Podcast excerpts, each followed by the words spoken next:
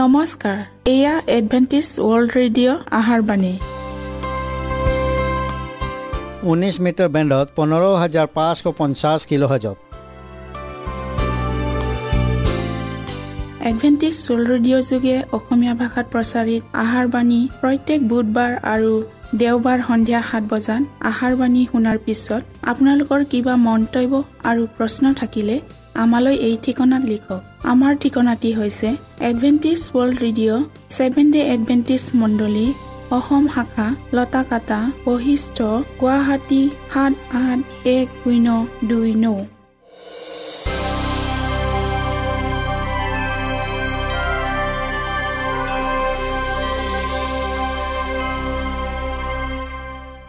প্ৰিয় শ্ৰোতা বন্ধুসকল এতিয়া শুনো আহক এটি খ্ৰীষ্টীয় ধৰ্মীয় গীত।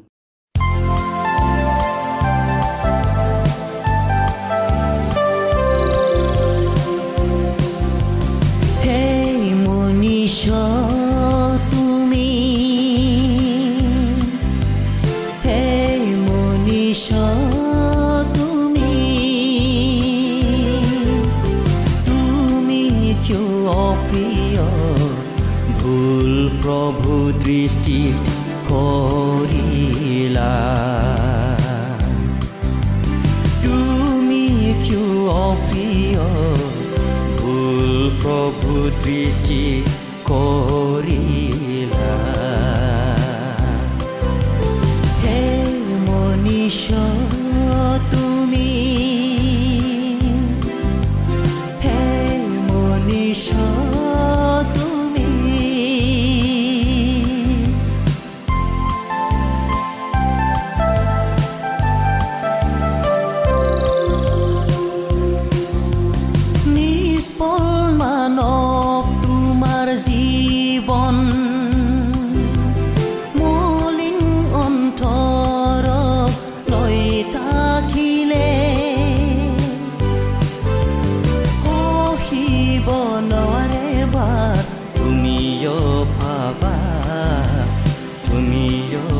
ভাবা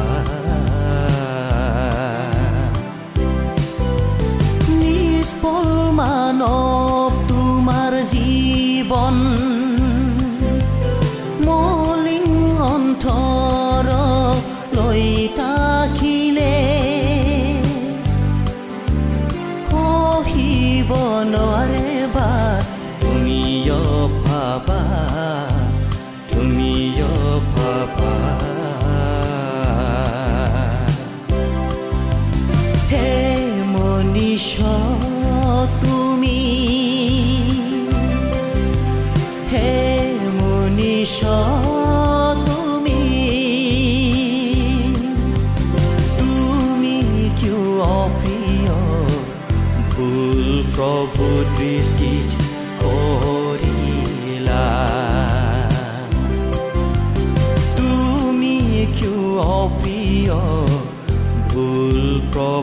প্ৰভু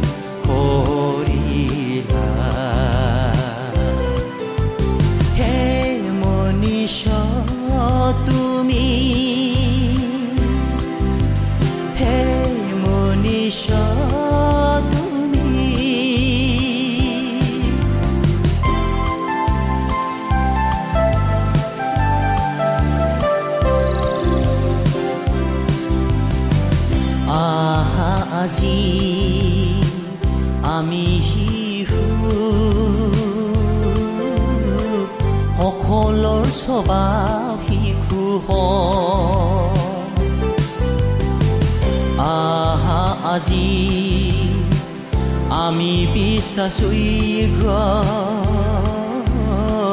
হ'বলৈ শিশু হয়।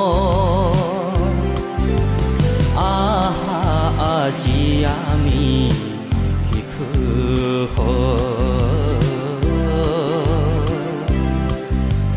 আহা আজি আমি শিশু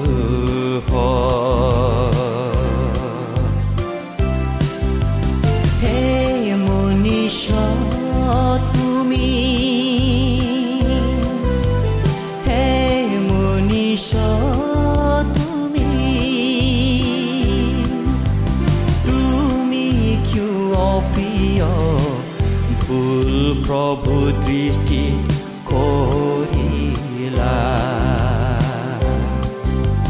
তুমি কিয় অপ্ৰিয় ভুল প্ৰভু দৃষ্টি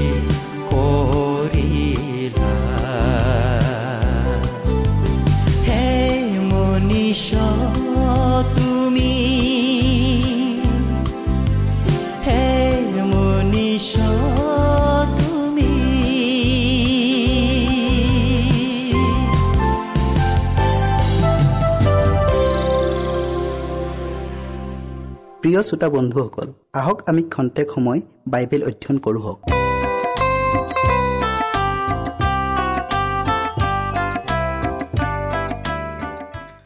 প্ৰিয় শ্ৰোতাসকল আজি আমি নতুন বিষয় দৰাক আদৰিবলৈ ওলোৱা হওক এই বিষয়টোলৈ অধ্যয়ন কৰোঁ হওক।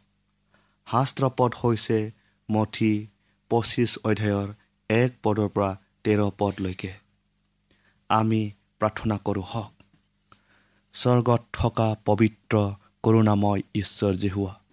ধন্যবাদ প্ৰভু এই বিশেষ সময় দিয়াৰ বাবে। প্ৰভু আজি আমি যি বিশেষ বিষয় দৰাক আদিৰিবলৈ ওলোৱা হওক এই বিষয়টিলৈ অধ্যয়ন কৰিবলৈ আগবঢ়াইছোঁ। প্ৰভু তুমি আমাক এই বিষয় বুজিবলৈ পবিত্ৰ আত্মাৰে ভৰপূৰ কৰি দিয়া। যীশুৰ নামত খুজিলোঁ। আমেন। খ্ৰীষ্টই তেওঁৰ শিষ্যবিলাকৰ সৈতে জেইতুন পৰ্বতৰ ওপৰত বহি আছিল। সূৰ্য পৰ্বতৰ সিপাৰে অস্ত যোৱাত ক্ৰমান্বয়ে আন্ধাৰে পৃথিৱীখন ঢাকি ধৰিছে।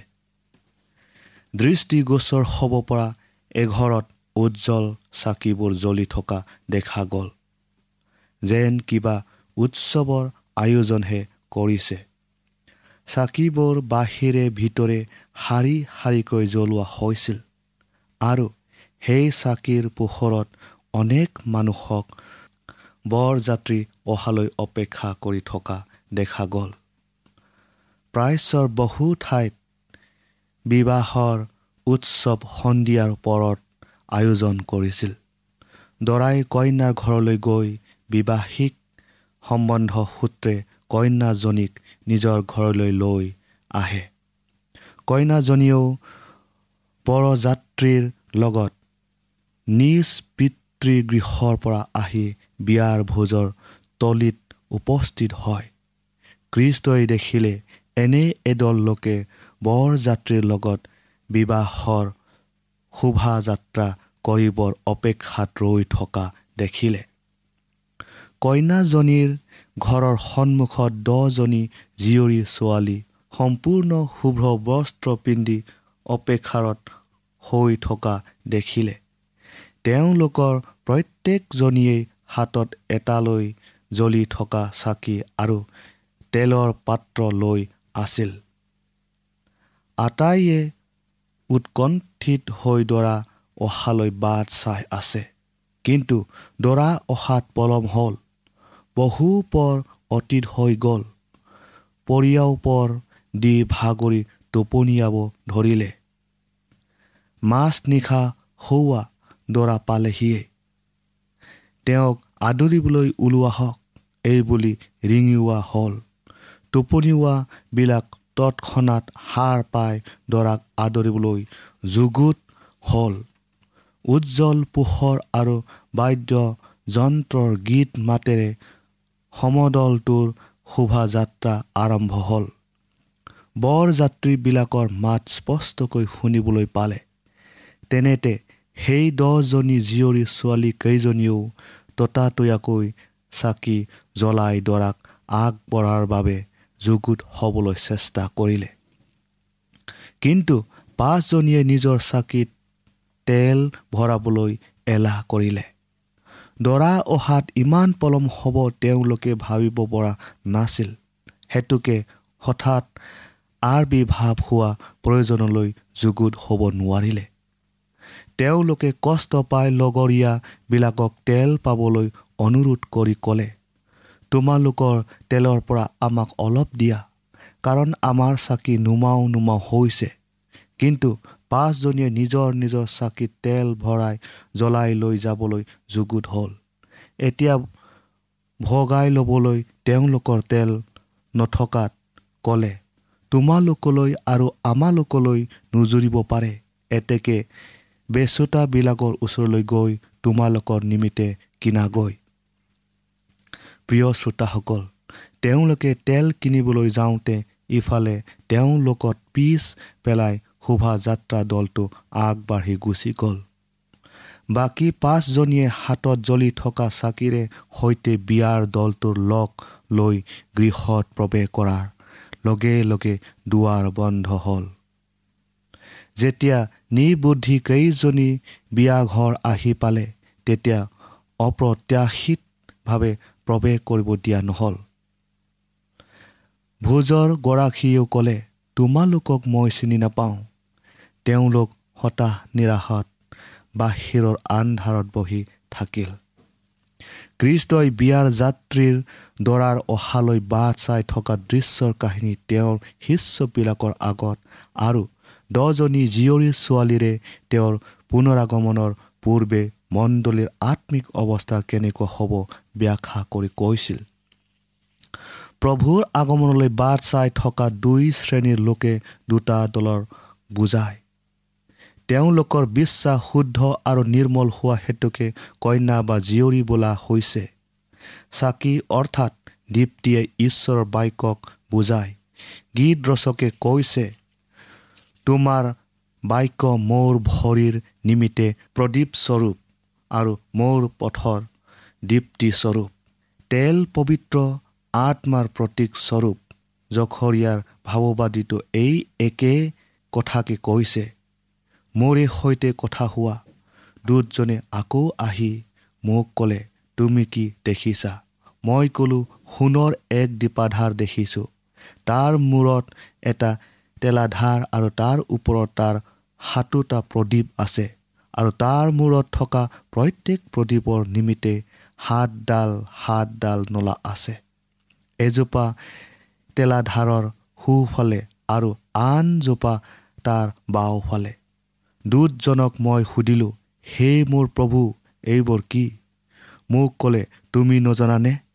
মই ক'লোঁ হে মোৰ প্ৰভু নাজানো। তেওঁ মোক এই কথা ক'লে জৰুবা বিললৈ অহা যি শোৱাৰ বাক্য এই শক্তি বা পৰাক্ৰমৰ দ্বাৰাই নহয় কিন্তু মোৰ আত্মাৰ দ্বাৰাইহে। ইয়াক বাহিনীবিলাকৰ জীহুৱাই কৈছে। পাছে মই তেওঁক আকৌ সুধিলোঁ দীপাধাৰৰ সু আৰু বাওঁফালে থকা এই দুজোপা জিত গছ কি? তেতিয়া তেওঁ মোক ক'লে গোটেই পৃথিৱীৰ যি শোৱাৰ ওচৰত থিয় হৈ থকা এই দুডাল তেল যোগাওঁতা পুৰুষ জখৰীয়া চাৰি অধ্যায়ৰ একৰ পৰা চৈধ্য পদলৈকে আপোনালোকে পঢ়িলে পাব।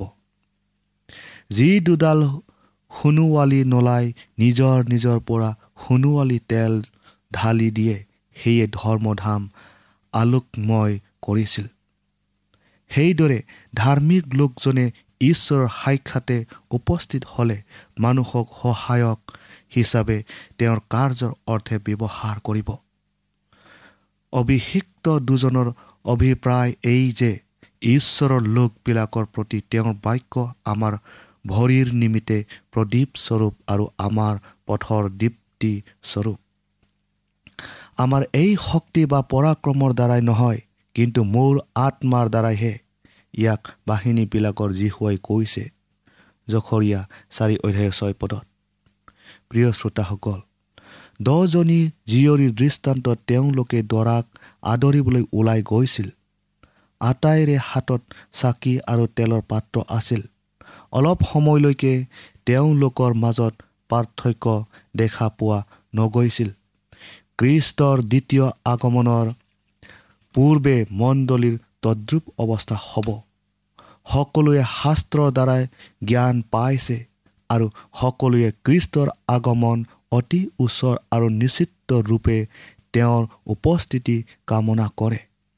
কিন্তু দৃষ্টান্তত দেখুওৱাৰ দৰে বৰ্তমানৰ অৱস্থাও তেনেকুৱা। আমাৰ অপেক্ষাৰ সময়ছোৱাত আমাৰ বিশ্বাসৰ পৰীক্ষা কৰা হয়।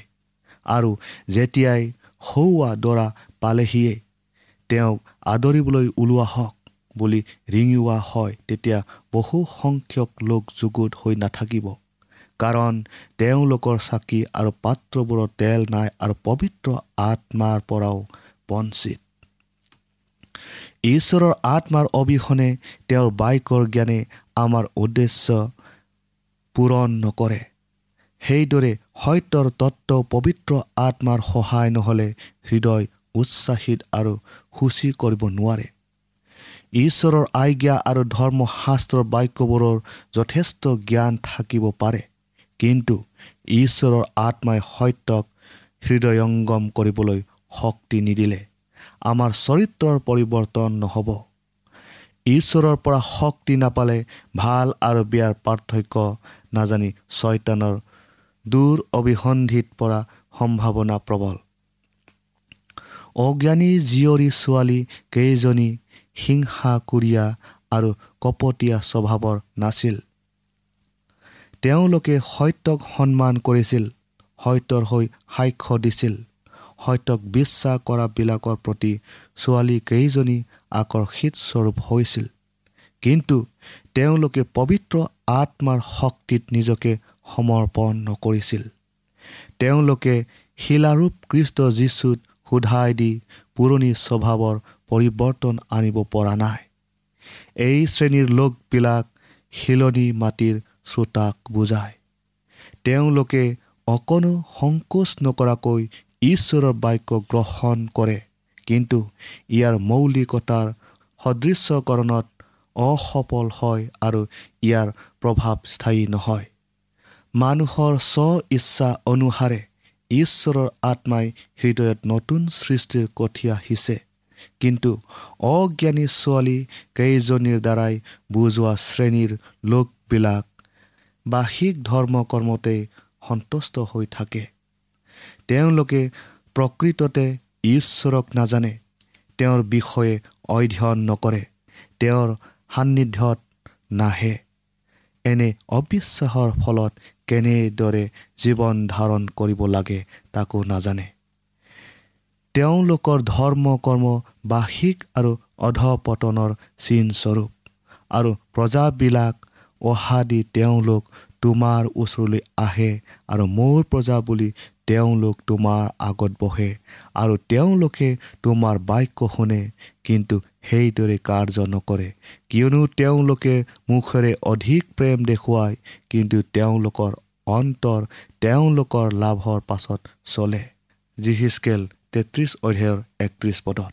সাধু পৌলে কৈছে খ্ৰীষ্টৰ দ্বিতীয় আগমনৰ পূৰ্বে মানুহবিলাকৰ এইটো বিশেষ গুণ বা লক্ষণ পৰিলক্ষিত হ'ব। তেওঁ কৈছে শেষ কালত ভয়ংকৰ দিন উপস্থিত হ'ব। সেই কালত মানুহবিলাক স্বাৰ্থপৰ ধন লোভী দৰ্পী আৰু অহংকাৰী হ'ব। তেওঁলোক ঈশ্বৰ প্ৰিয়তকৈ সুখপ্ৰিয় হ'ব।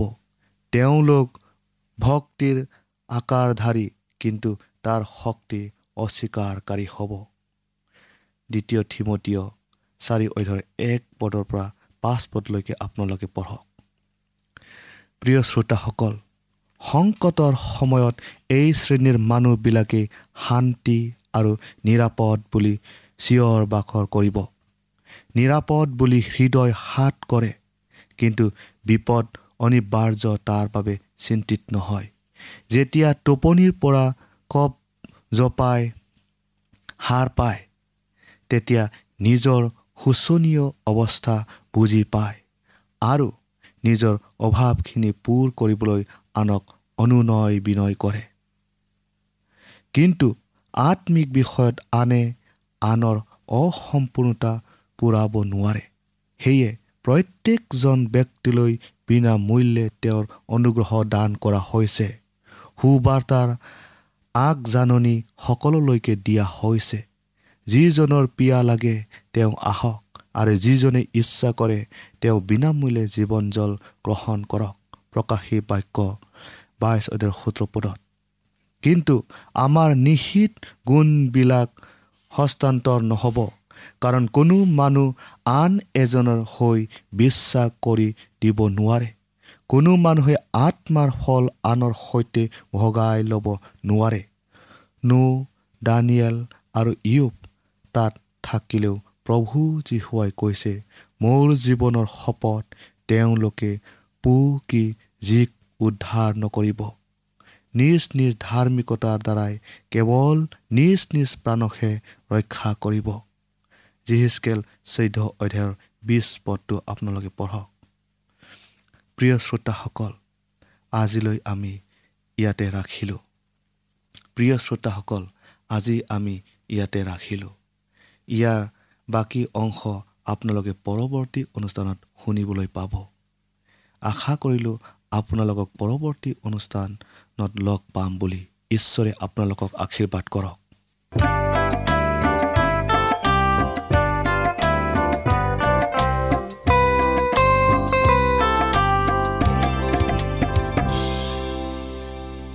ইমানপৰে আমি বাইবেল অধ্যয়ন কৰিলোঁ। এতিয়া আকৌ শুনো আহক এটি খ্ৰীষ্টীয় ধৰ্মীয় গীত।